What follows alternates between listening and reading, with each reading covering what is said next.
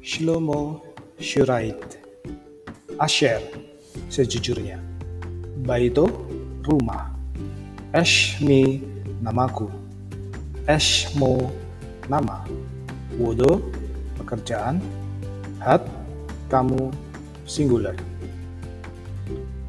Hergo pelajaran. Kibi aku bisa. Hatu kamu plural Ko audat kamu bekerja. Ko awatno saya bekerja. Ko melfat kamu mengajar. Ko mulafno saya mengajar. Ule mereka semua? Lo tidak jangan. Malfono guru maskulin. Malfonetho guru feminin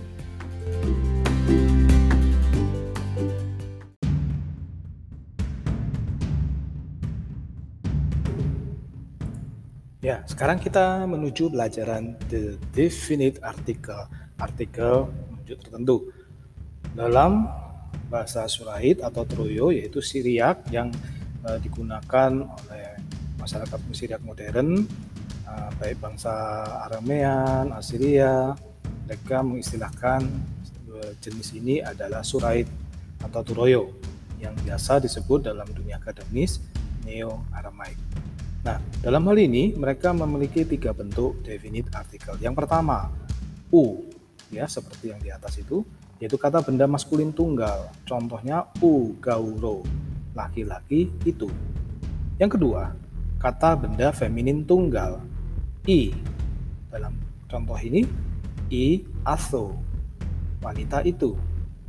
Dan bentuk yang ketiga adalah kata benda bentuk jamak yang mana tidak memerhatikan gendernya baik itu feminin atau maskulin yaitu A.